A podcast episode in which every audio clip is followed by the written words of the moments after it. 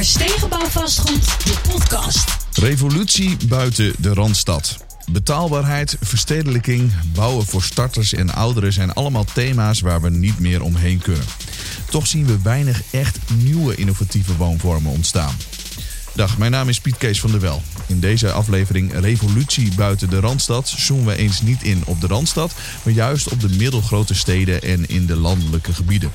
Hoe ontwikkelt de woningmarkt zich hier? Wat zijn de verschillen met de Randstad? Waar lopen we in deze steden en dorpen tegenaan? Ook hier liggen kansen voor de woningbouwopgave. Hoe bouwen we hier voor ouderen en starters? De praktijk is soms weerbarstig, want hoe krijgen we kopers zover om op een andere manier te gaan wonen? We zien vaak dat mensen gewend zijn aan de ruimte die nog beschikbaar is in deze gebieden. En ook stijgen de bouwkosten in deze gebieden, maar de opbrengsten stijgen niet naar de ongekende hoogte zoals in de Randstad. Dus hoe houden we het wonen hier betaalbaar en blijven we hier ontwikkelen? Is koopgarant of erfpacht een oplossing? Een kritische blik op de woningmarkt buiten de Randstad. Ter Stegenbouw Vastgoed, de podcast. Een heleboel vragen en de twee mensen bij mij aan tafel hebben hier de antwoorden op als het goed is. Hans Terstegen, de algemeen directeur van Terstegen Bouw Vastgoed. Hans, welkom. Dankjewel. Welke van de vragen die ik eh, net noemde is voor jou het belangrijkst? Nou, ik, ik, denk dat het met name gaat over hoe wij uh, optimaal kunnen inspringen op die markt. En ook kunnen zorgen dat we voor alle doelgroepen voldoende woningen kunnen bouwen de komende jaren. Ja. Ook aan tafel Peter Boelhouwer. Hij is uh, hoogleraar woningmarkt aan de TU in Delft. Peter, ook welkom. Dank je. Als we naar het bouwen kijken buiten de Randstad, wat is dan momenteel het thema wat uw studenten het meest bezighoudt? Uh, collectief wonen. Ja, dus uh, in, in groepen wonen. Dat is heel populair momenteel. Het kan voor ouderen zijn, hè, de bekende knarhofjes die in Zwolle ook uh, waarmee begonnen zijn. Maar ook voor jongeren in de stad. Dus ja, meer gemeenschapszin. Dat, dat is hier studenten, ja, die zijn daar echt mee bezig. Ja. Gemeenschapszin? Ja, dus met elkaar een nieuwe woonconcept ook bedenken. Dan kun je natuurlijk ook ja, minder ruimtegebruik heb je dan. Je kunt dingen delen. Dit past ook bij die hele deeleconomie. En je ziet ook dat studenten de laatste vijf à tien jaar, met name de laatste vijf, zes jaar, wel ook veel maatschappelijker georiënteerd zijn. Hè? Ja. Dat gaat echt in golven. Je hebt een tijdje gehad dat ze, ja, wilden ze allemaal projectontwikkelaar worden inderdaad. En veel geld verdienen. Maar je ziet dat ze tegenwoordig ook heel veel maatschappelijk uh, inbreng hebben. En dat is wel heel mooi, denk ik. En dan gaan ze ook bij een projectontwikkelaar werken overigens. Maar dan gaan ja, juist. Ze, juist, hè. Ja. Dan gaan ze die woningen ja. voor die doelgroepen wel bouwen. Dus, dus nee, daar zie ik echt wel een omslag. Dus daar ben ik wel heel positief over. Mooi. Ja. Nou, laten we beginnen bij uh, het begin. Um, we hebben allemaal onze mond uh, vol van dat woningtekort. Hoe is het ontstaan?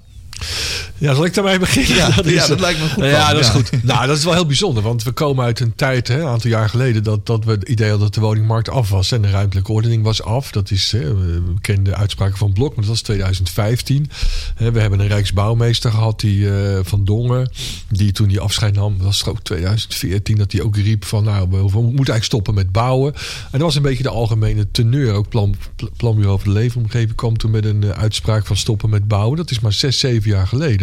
Dus er is echt iets heel fundamenteels veranderd. Nou, dat komt, dat kun je verklaren door twee ontwikkelingen. Ten eerste is dat die bouwproductie toch wel heel erg is teruggevallen na de financiële crisis. Hè. Toen, toen bouwden we nog zo'n ruim 80.000 woningen. Dat is teruggevallen tot 44.000 in 2014 en is nu alweer redelijk op niveau, hè, rond de 70. Nog lang niet op dat niveau waar we naartoe willen, maar hij is wel weer aangetrokken. Maar in die, in die hele periode hebben we echt aanzienlijk minder woningen toegevoegd. Dat is de ene verklaring. De andere is dat de bevolking, met name de laatste zeven jaar, veel harder groeit dan we gedacht hadden. Überhaupt, als je kijkt naar de laatste twintig jaar, de bevolkingsprognoses, die worden iedere twee jaar worden die gemaakt hè, door het CBS, worden iedere twee jaar bovenwaarts bijgesteld. Dus we zijn continu bezig om de bevolkingsgroei te onderschatten. En met name de laatste zeven jaar is het vooral arbeidsmigratie. We hebben natuurlijk enorme tekort op onze arbeidsmarkten. Nou, dat wordt gewoon opgelost door bedrijven, door mensen van buiten te halen. En ja, die, die, we zitten nu bijvoorbeeld de eerste half jaar is, is, de instroom, de netto migratie. Is al net zoveel als heel vorig jaar. En ja, dat zijn. Voor de crisis hadden we, voor 2008 had je 20.000 netto migratie. Ja, we gaan nu, dit jaar komen misschien over de 200.000 uit. Dus veel meer vraag. -hmm. Uh, en, en veel minder aanbod. Ja, dan hoef je natuurlijk geen wiskunde te studeren om te begrijpen dat je dan tekorten ont ja. gaan ontstaan. Een eh, woord wat ik eigenlijk ook verwacht had eh, in dit antwoord, eerlijk gezegd. Maar wat er niet komt, is het thema gezinsverdunning. Ja, maar dat, dat, ik zat nog te denken, zal ik dat nog noemen? Maar dat is een autonoom proces. Dat gaat heel geleidelijk. Hè. Ja. We zitten nu zo op zo'n 2,13. En ja, de verwachting is dat we de komende jaar naar 2,08 gaan. Ja, misschien richting de 2. Je ziet dit in Scandinavische landen. En daarbij, er is nog een andere die misschien wel belangrijker is. En dat is een hele fijne. dat we allemaal ouder worden. En dus we zijn, gemiddelde leeftijd voor, voor mannen is nu 83, vrouwen 87.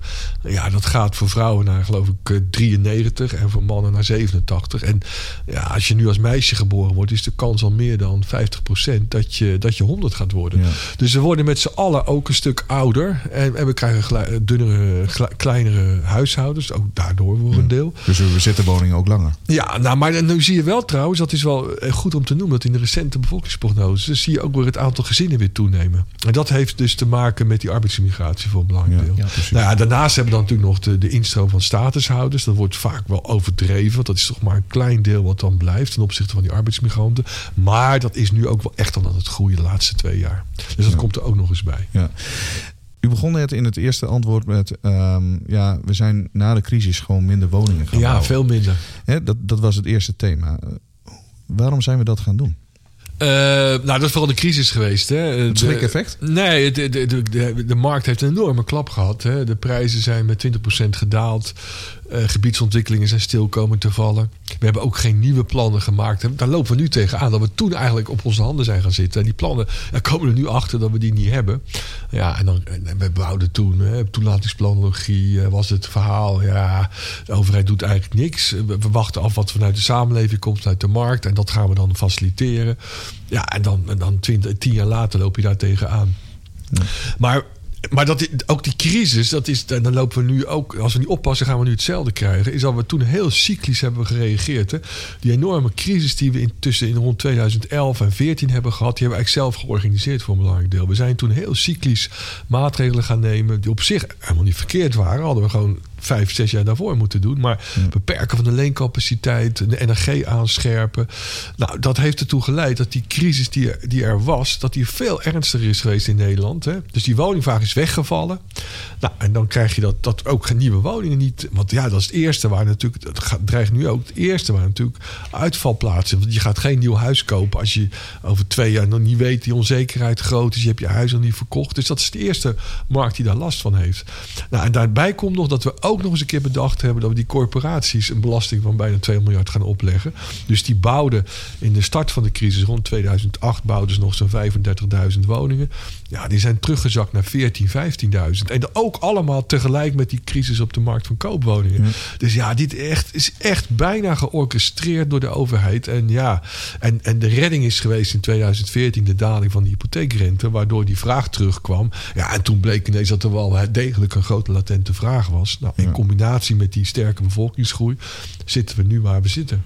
Is, is, is dit een herkenbaar verhaal eh, voor jullie bedrijf, Hans? Volgens mij, ik had het niet beter kunnen verwoorden. Dank dus, je eh, nee, dit is, dit is zeker herkenbaar. Dit is precies, eh, wat, wat Peter aangeeft, is precies ook wat wij eh, ervaren hebben. En ja, wat, je, wat je gewoon ziet in onze markt is dat je te te maken hebt met twee eh, verschillende snelheden. Als je kijkt naar eh, hoe lang het duurt om, eh, zeg maar, van- vanaf een, een moment dat je ooit bedenkt van ik ga hier woningen bouwen, tot het moment dat daar daadwerkelijk ook die woningen staan. Dat, dat proces is zo eh, ingewikkeld geworden in Nederland. En het duurt ook zo lang. Wij houden gemiddeld rekening met eh, acht jaar voordat we een project tot, tot de volwassenheid hebben. Zeg maar, van het begin tot eind. Dan is het klaar na acht jaar of dan begin je? Nee, na acht jaar beginnen we. Ja, ja precies. Ja, hè, doet dus- het tien jaar. ja. Dus, hè, ja, Ja. Dus eh, ze doen er acht jaar over om, om te bedenken van hè, hier zouden woningen ko- kunnen komen tot het moment dat je dat daadwerkelijk ook kunt gaan bouwen. Dus dat duurt al acht, acht jaar. En als je dat afzet tegen die marktvraag die veel meer fluctueert.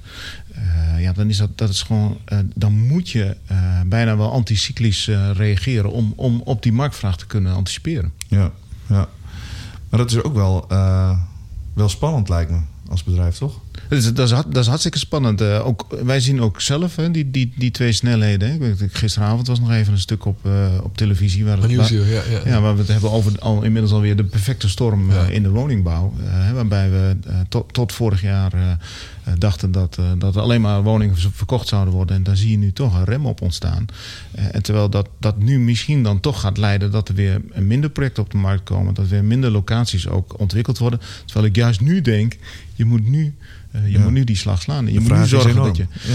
Nou, die, die, die onderstroom, waar Peter het ook over had, die onderstroom is er gewoon. Dus, dus als nu tijdelijk eh, die, eh, die vraag naar woningen nu zou afnemen, wil niet zeggen dat die onderstroom er niet is. Dus we- ik denk dat we nu vooral door moeten gaan met, eh, met, met de goede plannen op de goede locaties maken. Ja. Hoe ontwikkelt de markt zich eh, eh, op dit moment? Als je eventjes, hè, want het thema is natuurlijk van eigenlijk laten we eens buiten die randstad gaan kijken vandaag. Dat kun jij misschien het beste vanuit de praktijk zeggen, Hans. nou ja, als me iemand nu kan vertellen hoe zich de markt ontwikkelt, dan hou ik me aanbevolen. Het is natuurlijk een hele, hele bijzondere tijdstip om iets te vinden over de markt. Ehm, maar goed, je, je- je, ziet, je, ziet, je ziet ook wel een beetje, ook in de woningmarkt een beetje een tweedeling ontstaan. Hè? En ik denk ook dat we de komende jaren ook wel een beetje moeten blijven hebben van, eh, van, eh, de doorstroom. Hè? Dus de mensen die al, eh, die al in die woningmarkt zitten en die dan toch nog dat stapje gaan maken in de woningmarkt, zodat er ook voor de starters wat meer ruimte gaat ontstaan. Ehm, dus ja, het- je ziet, je ziet gewoon dat, dat er een heleboel starters zijn die op dit moment gewoon. Dat is gewoon onmogelijk voor om een huis te kopen. Ja. En, en, en dat, is, dat, dat is wel zorgelijk. Ja, ja herkenbaar probleem. Ehm, maar als je hem even vertaalt dan naar eh, toch even de nou ja, buitenstedelijke gebieden, zeg maar Randstad versus eh, nou ja, platteland. Eh, ik vind dat een beetje een nare ja, schigma wat je dan schetst eigenlijk. Maar, maar, maar laten we die twee dan eens tegenover elkaar zetten. Wat, wat, wat gebeurt er dan eigenlijk buiten de Randstad beter op dit moment? Nou, eh, eh, wat, wat je ziet is, hè, wat, ik net ook zei, als je kijkt het proces om te komen tot wonen, dat, dat is best een ingewikkeld en een langdurig eh, traject. Ik heb ook niet de illusie dat wij, zeg maar, de, de manier van bezwaar maken en de procedures, dat we die echt daadwerkelijk met elkaar in staat zijn om die, om die, om die procedures te versnellen. Dus wat, je, wat belangrijk is, is dat je zorgt dat je alle stakeholders in het proces meekrijgt. Dus je moet, moet de, omgevers, eh, de, de omgeving meekrijgen van de locatie, je moet de gemeentes meekrijgen.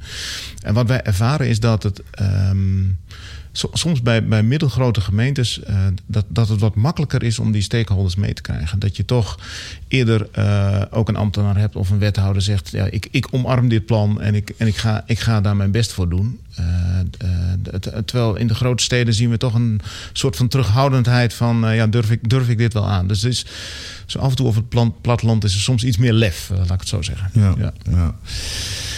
Ehm, nou, we hadden het er net al over. De, de markt zit eh, vast. Wat is het Nou, belangrijkste? Ja, ja. wordt nog steeds gebouwd, hè? Dus ja, er wordt nog wel. ge- Maar, maar nou ja, het, gaat, het gaat niet vanzelf. Nou ja. Mag ik het dan zo zeggen? Nou, Klaas Knot had het over een, eh, zeg maar een, een welkome afkoeling. Eh, dat is, dus zo kun je het ook zien. Ja, hè? dus Dat, dat we geen prijsstijgingen van 20% hebben als vorig jaar, dat is toch alleen maar positief. Nee, maar dat lijkt wel ook, ook als wij als marktpartij, hè, dat, wij, eh, dat, dat wij daar blij mee zijn dat, dat die markt met 20% gestegen is. Maar ik had veel liever gehad dat de afgelopen jaren daar gewoon een, een, een, Geleidelijk, een geleidelijke stijging in had gezeten. hè. Je, kunt je moet je me voorstellen, er zijn nu ook heel veel partijen rondom om ons heen die, eh, die investeren in grote woningfabrieken.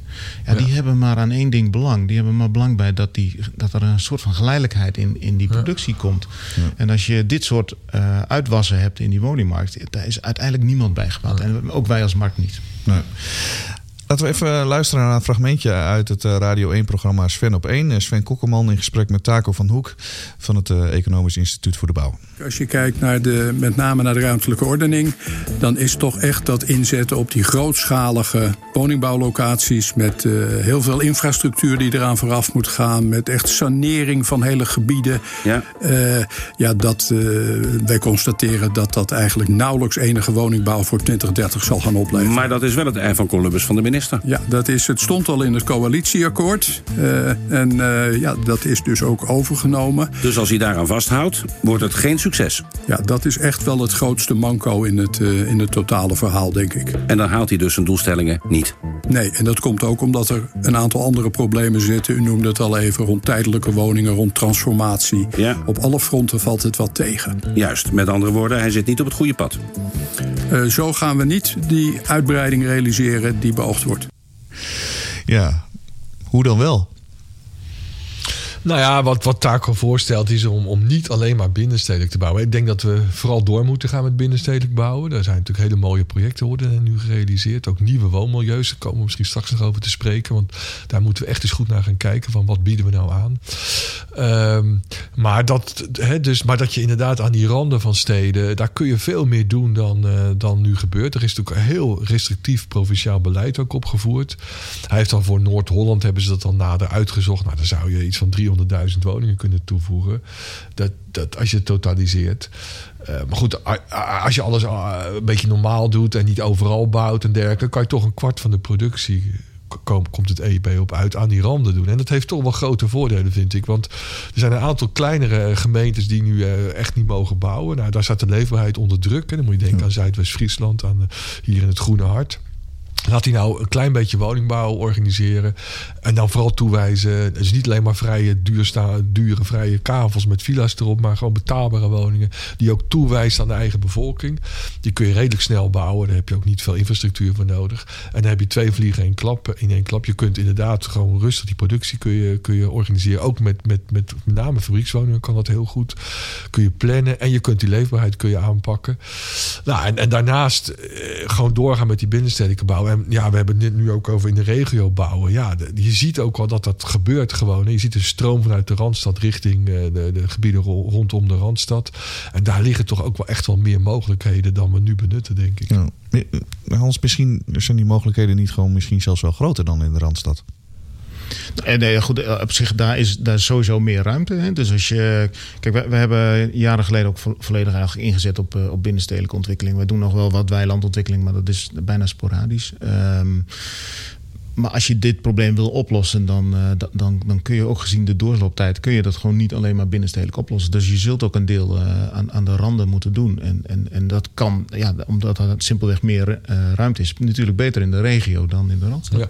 Nou, ik, ik, vind het interessant. Er wordt altijd over ruimte gesproken. Maar ook die, die woningbouwafspraak die nu gemaakt zijn, is ook weer geïnventariseerd. Dat gebeurt iedere, iedere, iedere jaar. Gebeurt dat. Op zich is er voldoende ruimte voor woningbouw. We kunnen 1,2 miljoen woningen bouwen. Daar is in principe locaties voor. Alleen, ja, hoe organiseren we het? En, en hoe krijgen we de, de, de juiste product op, de, op, die, op die plek ook financieel haalbaar. Daar gaat het natuurlijk iedere keer om.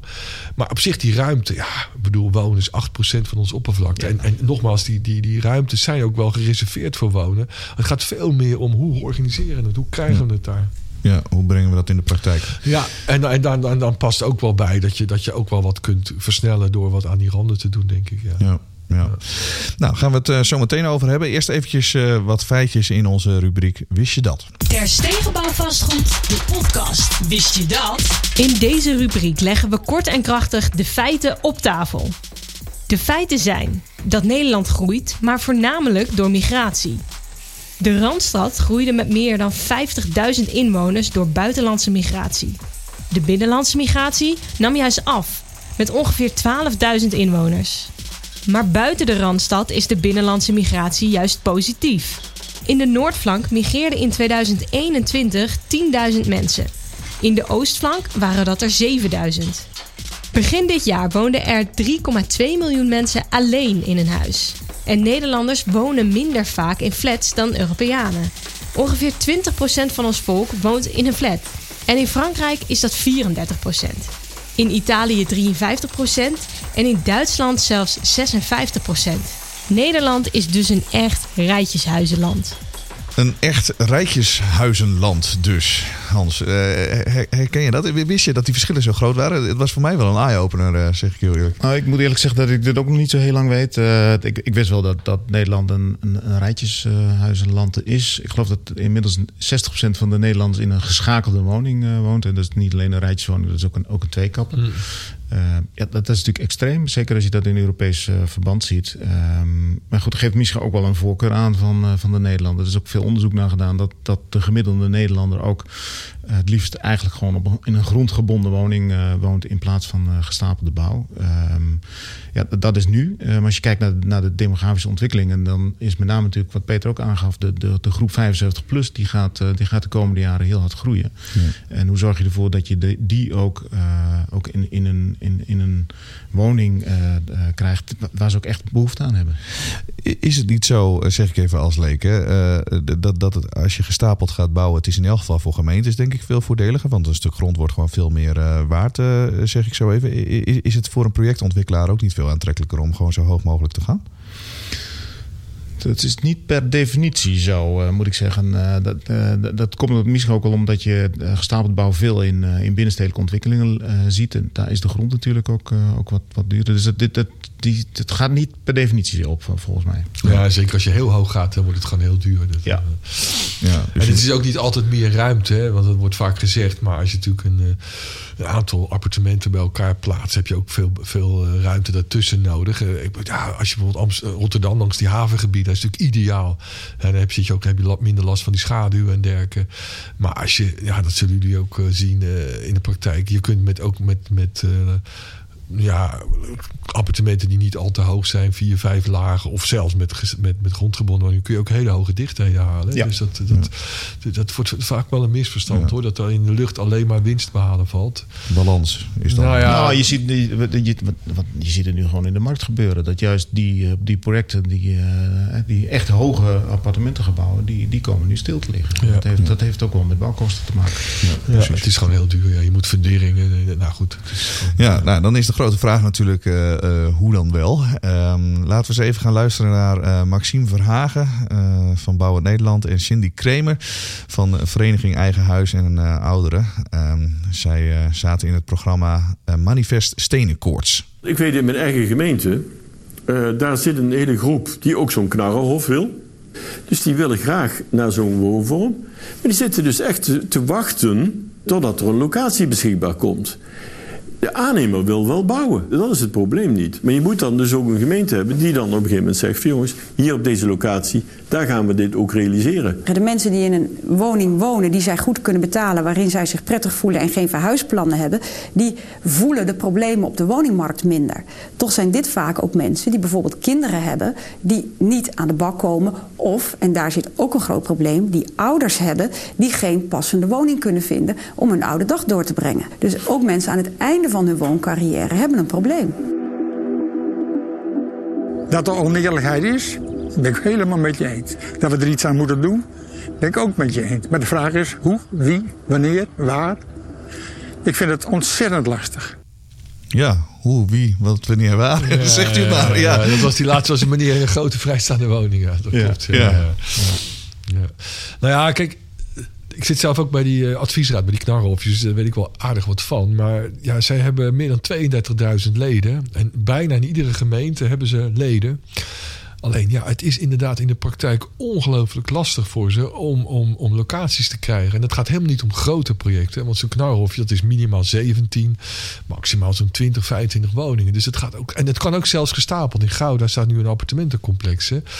Maar het is oh zo moeilijk voor ze om, om voet aan de grond te krijgen. En het is ook een hele mooie inclusieve woonvorm. Hè? Want je hebt sociale huur een derde en de rest is koop. Dus het is gecombineerd.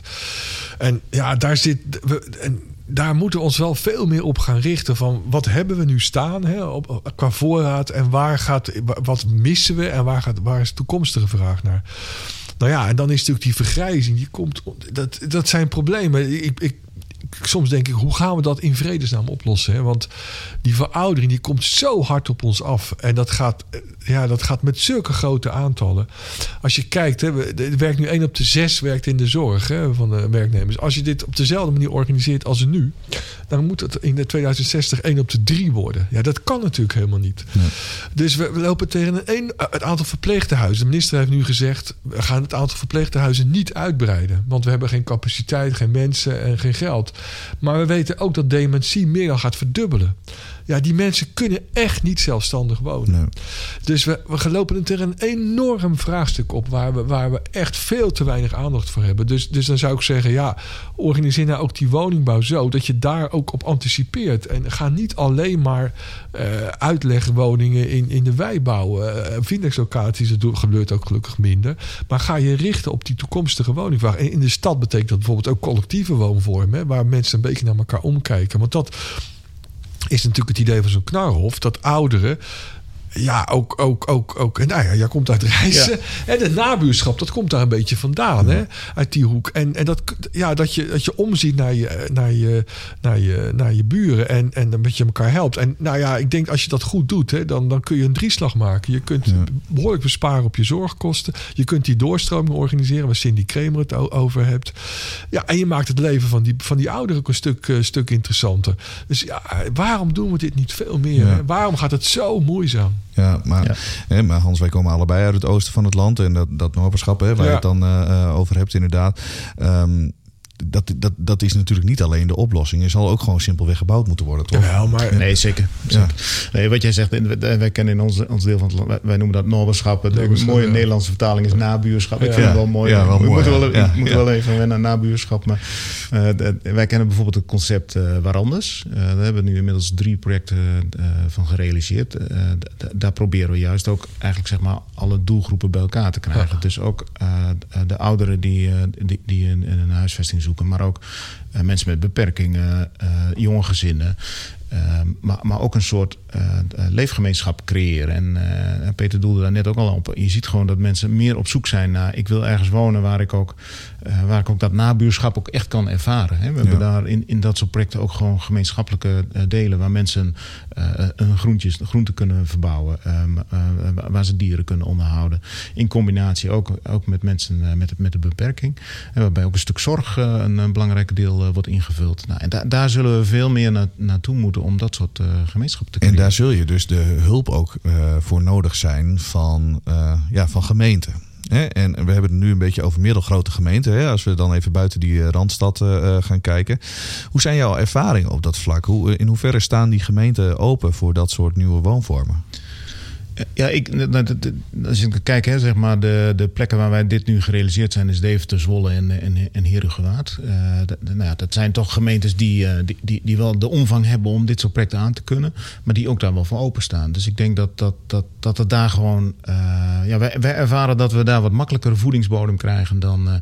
je kunt ook een te kleine gemeente krijgen. Hoor. Ja. Er, moet wel, er moet ook wel een capaciteit zijn om dit soort projecten aan te kunnen. Want het zijn redelijk grote gemeenten. Hè? Noem dan bijvoorbeeld eens een gemeente als Rijssen, Holte, waar je zelf woont. Als, hè? Dat is echt een kleinere gemeente. Kan zo'n gemeente eh, met, met die, omvang die, dat aan? die, zou dat, die zou dat prima aan kunnen. En, eh, en je bent wel erg afhankelijk van eh, welke ambtenaar op dat soort projecten zit. Dus het is echt wel mensenwerk wat dat betreft. En, en, en ik zou ook, we proberen dat in, in Twente ook wel te doen. Om te kijken hoe kun je als gemeentes meer met elkaar samenwerken. Om ook die kennis die er is, gewoon ook met elkaar te delen. En, en dat, dat, dat werkt ook goed, moet ik zeggen hoor. Ja. Ja. Ja. Kun je daar een voorbeeld van geven? Ja, we zijn eh, in, Twente aan het kijken naar de zogenaamde sleu- sleutelprojecten, heet dat. Dat is gewoon om te kijken van waar, waar zitten de ruimtes nog en waar zouden we projecten kunnen versnellen. Eh, waarbij je even misschien zo'n project eh, ook gewoon niet alleen maar op, op gemeentelijk niveau bekijkt, maar ook gewoon op regionaal niveau. Waarbij je ook probeert om van elkaar te leren, zodat je dat proces gewoon sneller door kunt. Dat we sneller ook die stakeholders allemaal met de neus de goede kant op krijgen. Ja. Ehm, u vanuit uw vak, hè? als u dan dat eh, bekijkt vanuit ehm, de verschillen zeg maar, tussen Randstad en dan de middelgrote gemeenten. Wat zijn dan de belangrijkste verschillen? Nou ja, je hebt natuurlijk in de, in, in Randstad heb je ook middelgrote gemeenten. Dus dat onderscheid eh, dat is een beetje lastig te maken. Maar nou ja, wat, wat, wat, wat ook de ontwikkelaars ook wel aangeven. Het is natuurlijk vaak in die middelgrote gemeenten dat makkelijker om te schakelen. Ook tussen de verschillende diensten. Eh, en dan, ja, dan is het mak en, en je hebt ook vaak een ambtenaar die twee beleidsterreinen eh, onder zijn hoede heeft. Ja, dan is die ook sneller bereid om als er ergens een probleem is om dat op te lossen. Dus ik denk inderdaad dat, dat, dat, dat, dat middelgrote gemeentes inderdaad qua slagkracht, eh, als ze goed geëquipeerd zijn, dan wel een voordeel hebben. Aan de andere kant, ja, ook de gemeente Amsterdam bouwt gewoon heel veel woningen hoor. Dus dat is echt niet alleen maar in, in, in middelgrote gemeentes. Ehm, maar goed, daar is het wel het, makkelijker om te overleggen. Nou, goed, dat zullen jullie ook denk ik wel, wel ervaren. Daar, daar, daar, ja, maar goed, het is ook heel erg. Kijk, je, je, je bent vaak op zoek naar succes en, en, en, en, eh, hoe heet het? eh, factoren. Van, en faal, waarom gaat dat nou mis bij de ene gemeente en lukt het bij de andere? En, het, en dat, dat is, ja, het is vaak een sterke wethouder inderdaad die iets wil. Eh, een, een, een, een, regio die ook wil. Nou, Zwolle vind ik bijvoorbeeld ook een mooi voorbeeld. Hè. Die hebben al jaren dat concilium, dat, dat volgens mij heel goed werkt. En ja, eh, je ziet het ook bij de woningmakers in Noord-Holland. Die zijn er ook begonnen in Zuidwest-Friesland of in West-Friesland. En dat wordt op meer plekken gedaan. Ja, als je die verschillende partijen aan tafel hebt en je kent elkaars problemen en je bent bereid om mee te denken, ja, dan gaat het allemaal zoveel makkelijker. En soms ook is gewoon een, een sterke wethouder die inderdaad eh, zo'n raad mee kan krijgen. Alleen, ja, hoe organiseer je dat? Als die er toevallig niet zitten, ja, dan heb je een probleem. En, en, dus dat zijn van die, ja, daar kun je wetenschappelijk kun je daar niet zoveel mee. Ja, je kunt hoogstens vaststellen dat die netwerken ongelooflijk belangrijk zijn. Dat je eh, iemand met visie en met daadkracht, dat dat belangrijk is. En dat zijn toch toch de, de, de succesfactoren, denk ik, in, in een hoop gemeentes. En nou ja, je hebt ook middelgrote gemeentes waar het niet botert. En je hebt grote gemeentes waar, waar het ambtelijk apparaat op orde is. Dus ja, je moet oppassen met te zeggen van. Kijk, Kleine gemeentes is natuurlijk altijd wel lastig, want die hebben natuurlijk gewoon heel weinig ambtenaren. En dan is inderdaad samenwerken tussen gemeentes, die ook wel steeds meer gebeurt. Corp woningcorporaties doen dat ook steeds meer.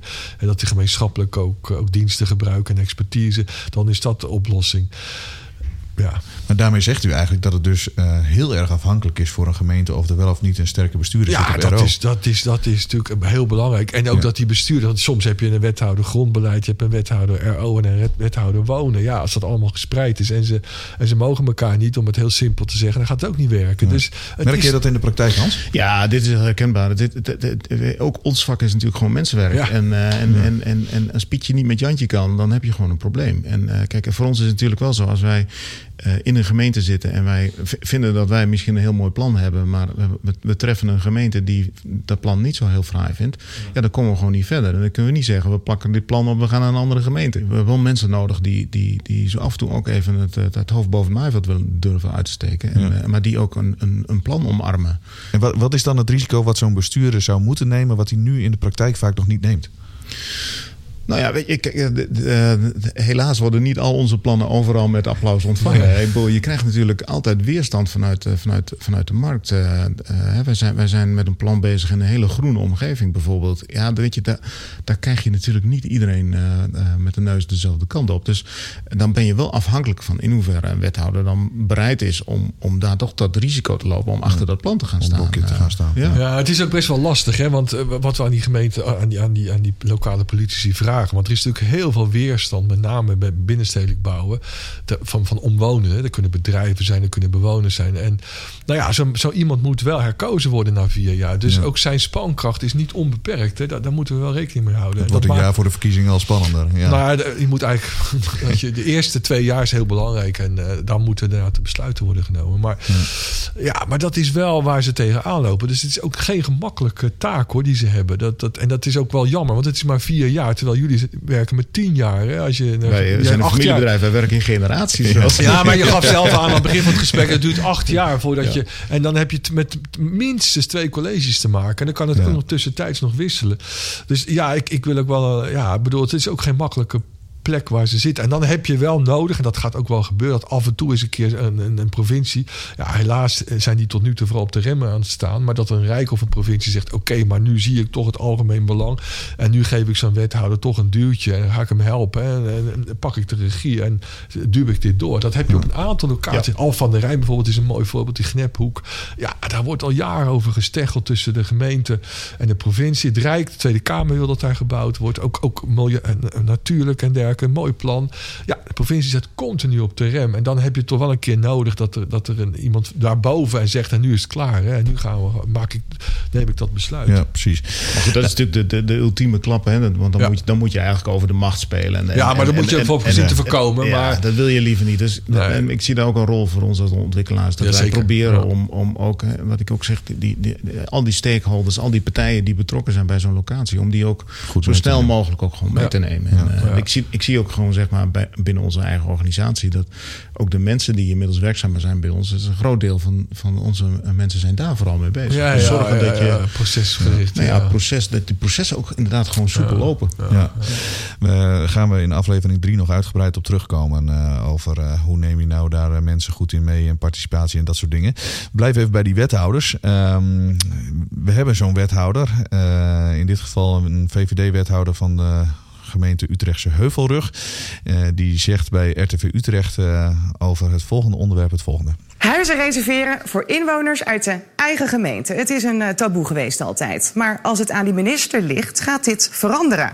Een nieuw voorstel moet het mogelijk maken om nieuwbouwwoningen te reserveren voor eigen inwoners. De voorrang voor eigen inwoners geldt voor sociale nieuwbouwwoningen tot 355.000 euro. En maximaal 30% van de woningen mag via deze voorrangsregeling worden toegewezen. In onze provincie doen ze dit eigenlijk al, hè? Ja, klopt. In gemeente Vijfherenlanden en ook de Utrechtse Heuvelrug. Als je dan zegt, ja, maar het is voor de woningzoekenden uit je eigen gemeente, dan eh, snappen mensen dat wel en is men eerder bereid om daar eh, positief tegenover te staan. Dus het is wel belangrijk dat het eh, gebeurt. Ja, dat was dus als laatste Robje Jorg. En de intro was van de presentatoren van eh RTV Utrecht. Eh, hoe kijken wij daar eigenlijk naar? Eh, is dat een verstandig idee? Nou, het gebeurt natuurlijk al heel veel. Hè. Er werden al heel vaak afspraken gemaakt tussen bouwende partijen, ontwikkelaars en gemeentes. Dat woningen eh, eerder werden toegewezen of beschikbaar kwamen voor mensen uit de gemeente. Soms werd het ook gewoon gedaan door eerst in het lokale suffertje te, te adverteren, waardoor mensen van lokaal eh, voorrang kregen. Kijk, ja. Dus, dus, en, en ik denk ook wel dat het helpt inderdaad. Als je, en zeker in die kleine kernen. Kijk, je moet het doen in kleine kernen waar je gericht beperkt bouwt. Dan moet je echt zorgen dat die woningen betaalbaar zijn en beschikbaar komen voor je lokale gemeenschap. Eh, je moet oppassen met, met dat heel breed over heel Nederland te gaan uit. eh, eh, eh, kijk, voor nieuwbouw kan het eventueel nog overwegen. Maar vooral bestaande bouw moet je daar heel terughoudend mee zijn. Maar kijk, al die gemeentes denken dat iedereen in hun gemeente wil wonen. Nou, laat dat nou niet het geval zijn. Nee, drie kwart van de mensen wil gewoon in zijn eigen gemeente blijven wonen. Dus die is helemaal niet bezig om, om nou zo graag op, op de heuvelrug te gaan wonen. En bovendien, er zijn ook mensen van buiten die komen werken in die gemeente. En die wil je toch ook wel, wel huisvesten. Dus dat, is- dat is ook nieuw aan die wet. Hè?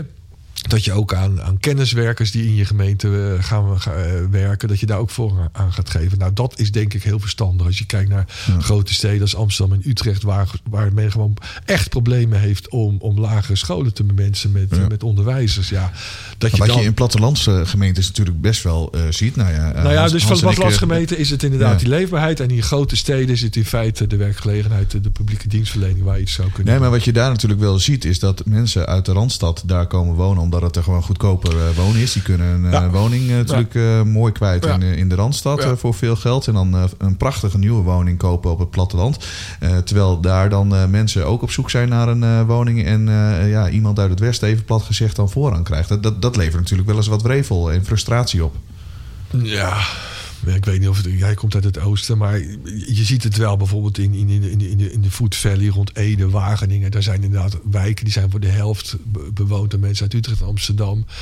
Ik denk die trek, ja goed, jij moet het zelf maar aangeven. Maar er zijn natuurlijk mensen die een boerderij in Twente kopen. Maar zoveel zijn dat er nou ook weer niet. Nee, het is ook heel vaak beeldvorming. Ik, Ja. ik denk dat, dat dit soort eh, maatregelen, waarbij je zegt dat het eh, meer beschikbaar wordt voor de lokale bevolking, vooral inderdaad aan de voorkant helpt. Eh, dat, dat helpt om, om mensen ook mee te krijgen in plannen die je maakt. En ik denk dat dat daar goed is. Maar het moet geen blokkade zijn. Eh, kijk, ehm, het, het, het, het, het lijkt alsof je, en dat zie je natuurlijk in het algemeen beleid nu van de overheid, het, het lijkt alsof we die markt eh, gewoon 100% kunnen beïnvloeden. Ja, maar, maar soms worden er gewoon maatregelen bedacht die werken gewoon averechts.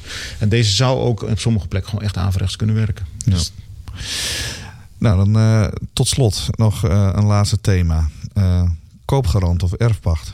Vinden we dat een, eh, een oplossing? Ja, wij passen hem wel toe. Eh, dus in die zin, eh, de, de, ja, ik verbaas mij over hoe weinig vraag daarna is. Omdat ik denk voor een starter. eh, Dus van consumenten of? Ja, van consumenten. Ik, ik vind dat, er relatief weinig, dat wij daar relatief weinig vraag naar krijgen. Terwijl het eigenlijk best een bijzondere methode is. Want in feite financier, hoef je eigenlijk alleen maar het opstal te financieren. Dus, dus een woning wordt eigenlijk veel sneller bereikbaar voor een starter. Eh, en, en toch hebben mensen een bepaalde angst om het, eh, om het op te pakken. Omdat dat erfpacht, dat heeft toch... Heeft, zeker, en, en daar zie je misschien ook wel verschil tussen eh, de, de stad en de regio. Dat heeft in de regio een hele rare smaak, een erfpacht. Eh, men wil gewoon Ja. kopen, Ja. zeg maar. En, Ja. en niet iets op erfpacht hebben. Dus, maar als je kijkt naar financierbaarheid, dan, dan, dan kan dat een prima oplossing zijn. Is, is dat misschien ook eh, buiten de Randstad een beetje de angst nog voor het onbekende? Want het is denk ik relatief onbekend. Ja, ik denk dat het dat ook wel is. Maar ja, weet je, het, maar ook wel het feit van ik wil, ik wil die woning gewoon, ik wil het bezit hebben van die woning. En ik wil niet eh, daar een of andere constructie eh, achter hebben. Ja. Nou ja, het wordt natuurlijk specifiek ingezet voor betaalbare woningen. En, daar is er echt veel voor te zeggen. Want je geeft iemand een enorme eh, subsidie mee in feite. Je, verkoopt die woning zwaar onder de marktprijs. Nou, dat is natuurlijk wel heel efficiënt om dan ook te zorgen dat die ook op, op termijn beschikbaar blijft, enigszins voor die doelgroep. Dus voor dat type woningen, dan kun je, hè, dat is het verschil tussen koopgarant en erfpachten. Eh, en je kunt ook nog constructies denk, bedenken, dat gebeurt ook wel bij erfpachten, waarbij je op een gegeven moment toch zelf die grond weer inkoopt. Hè? Dus dat kan heel goed. Eh, maar dan kun je, heb je ook een opbrengst en die kun je dan weer gebruiken voor andere projecten om die betaalbaar te krijgen in de bestaand of, of in de nieuwbouw. Maar dat je geen gratis geld weggeeft, dat lijkt me toch heel verstandig. Dus, dus dat soort constructies lijken me heel verstandig. Ehm, ja, koopgarant is natuurlijk, wordt ook echt heel, ja, door corporaties veel ingezet, ook in de bestaande bouw. En dat is ook een manier om die woningen beschikbaar en bereikbaar te krijgen voor die, uh, voor die doelgroep. En ja, dat je daar dan toch een deel van, uh, van, de, van de opbrengst, dat je die voor de gemeenschap behoudt, lijkt me toch wel heel verstandig. En erfpacht is inderdaad een manier ook om het toegankelijk te krijgen. Dus ja, ja en, en ik weet dat inderdaad buiten de randstad is dat, is dat, ja, dat ja, voelt dat niet lekker. Nee, dus nee. Dat, nee, dat klopt. Hoe optimistisch zien we de komende jaren tegemoet? Ja, dat moet je een onderscheid volgens mij maken tussen de korte en de lange termijn. De, de korte termijn, vandaag denk ik ook al uitvoerig over gehad. De korte termijn is redelijk onzeker. De, dus dus ja, dat valt niet mee om daar heel optimistisch over te zijn. Maar als je op de lange termijn kijkt en je kijkt naar de, de, opgaves in de woningbouw. met, met inderdaad een steeds maar weer onderschatting van, van de groei van Nederland. Ja, voor de lange termijn blijft, blijft die stroom gewoon aanwezig. En ja, en, en, daarnaast, dat is ook een deel wat wij doen, uh, is natuurlijk ook nog de duurzame renovatie. Die, ja, die, komt, er bij, die, ja, die, ja, komt, die komt nog bij. Dus uh, ja, ik ben zeker voor de lange termijn zeer optimistisch. Kijk. En, ja, daar sluit ik me bij aan. De opgaven zijn enorm. We moeten Nederland opnieuw inrichten in feite. En daar is natuurlijk heel veel ook ontwikkelingswerk is daarvoor nodig. En gebiedsontwikkelingen. Dus er is een enorme opgave. Die bevolking groeit, de verduurzaming andere woningbehoeftes. Dus ja, die, de, de, dat is heel positief. Ik maak me wel zorgen over de, over de korte termijn, inderdaad. Het, het, is waar, er is heel veel onzekerheid. Maar we komen wel in een perfecte storm. Hè. Dus, ja. dus er zijn een aantal beleidsmaatregelen die echt niet helpen. Die de zaak versterken. En we hebben gewoon forse tegenwind vanuit, uh, vanuit de economie. En, en hoe lang dat op blijft, dat weten we allemaal niet. Ik zeg ook, ik geef ook wel eens aan, het is nog nooit zo moeilijk geweest om nu te voorspellen. Hè. Het is, er zijn zoveel onzekere factoren. Waarom gaan we nu vertellen dat we twee derde deel betaalbaar moeten gaan bouwen? Waarom gaan we nu beleggers aanpakken? Ik bedoel, ja, dus eigenlijk, we zitten in een storm, maar we moeten nog even voor zorgen dat die perfect wordt. nou ja, nee, we moeten zorgen dat die gaat liggen. En, ja, precies. En, en, en deels kunnen we dat niet beïnvloeden, maar we kunnen in ieder geval een aantal maatregelen nemen waardoor we ons beschermen tegen die storm. En, en ja. niet, niet, ja. Dus, nou, ik herken wel wat Peter zegt. Dan, je ziet gewoon de overheid nu echt, echt maatregelen treffen. Waarvan ik zeg, ja, die gaan alleen maar anti, ja. die gaan maar alleen maar tegenwerken. Dus dit, dit, dit gaat zeker niet productief worden. Wat is de belangrijkste maatregel die er niet moet komen? Nou, ik vind, ik vind nu zeg maar het, het aanpakken van beleggers, vind ik, uh, die, die, zou ik dus op dit moment gewoon echt niet doen. Uh, wij, zien, wij, wij, wij, merken gewoon in de praktijk dat we daar nu vooral last van hebben. De beleggers, uh, naast het feit dat ze al zeg maar met financiering al veel meer problemen hebben, ja, ook gewoon kopschuw worden vanwege. Als je kijkt, alle buitenlandse beleggers trekken zich op dit moment gewoon weg. Die gaan weg uit Nederland. En die, die, die, die zeggen, ja, Nederland is op dit moment qua beleid zo onvoorspelbaar. Zo onvoorspelbaar. Die gaan we gewoon niet doen. Dus, dus ja. Voor de lange termijn hebben we gewoon keihard nodig. Dus dat is het laatste wat je moet doen nu. Nou, helder verhaal. Uh, dank allebei. Uh, dit was uh, aflevering 1 van de nieuwe serie Terstegenbouw Vastgoed, de podcast. Dank aan onze gasten Peter Boelhouwer, hoogleraar woningmarkt aan de TU in Delft... en Hans Terstegen, algemeen directeur van Terstegenbouw Vastgoed. In de volgende aflevering gaan we het hebben over prefabricage en houtbouw. Welke slimme samenwerkingen gaat Terstegen aan om mee te kunnen met de woningbouwfabrieken? We zoomen in op de duurzame houtbouw en losmaakbaarheid. En dat doen we met Mathieu Vlasveld, commercieel verbinder bij Terstegenbouw Vastgoed West. En Gert-Jan Hospers, hoogleraar geografie, planologie en milieu aan de Radboud Universiteit in Nijmegen. U bedankt voor het luisteren en heel graag tot de volgende aflevering. Dag. Terstegenbouw Vastgoed, de podcast.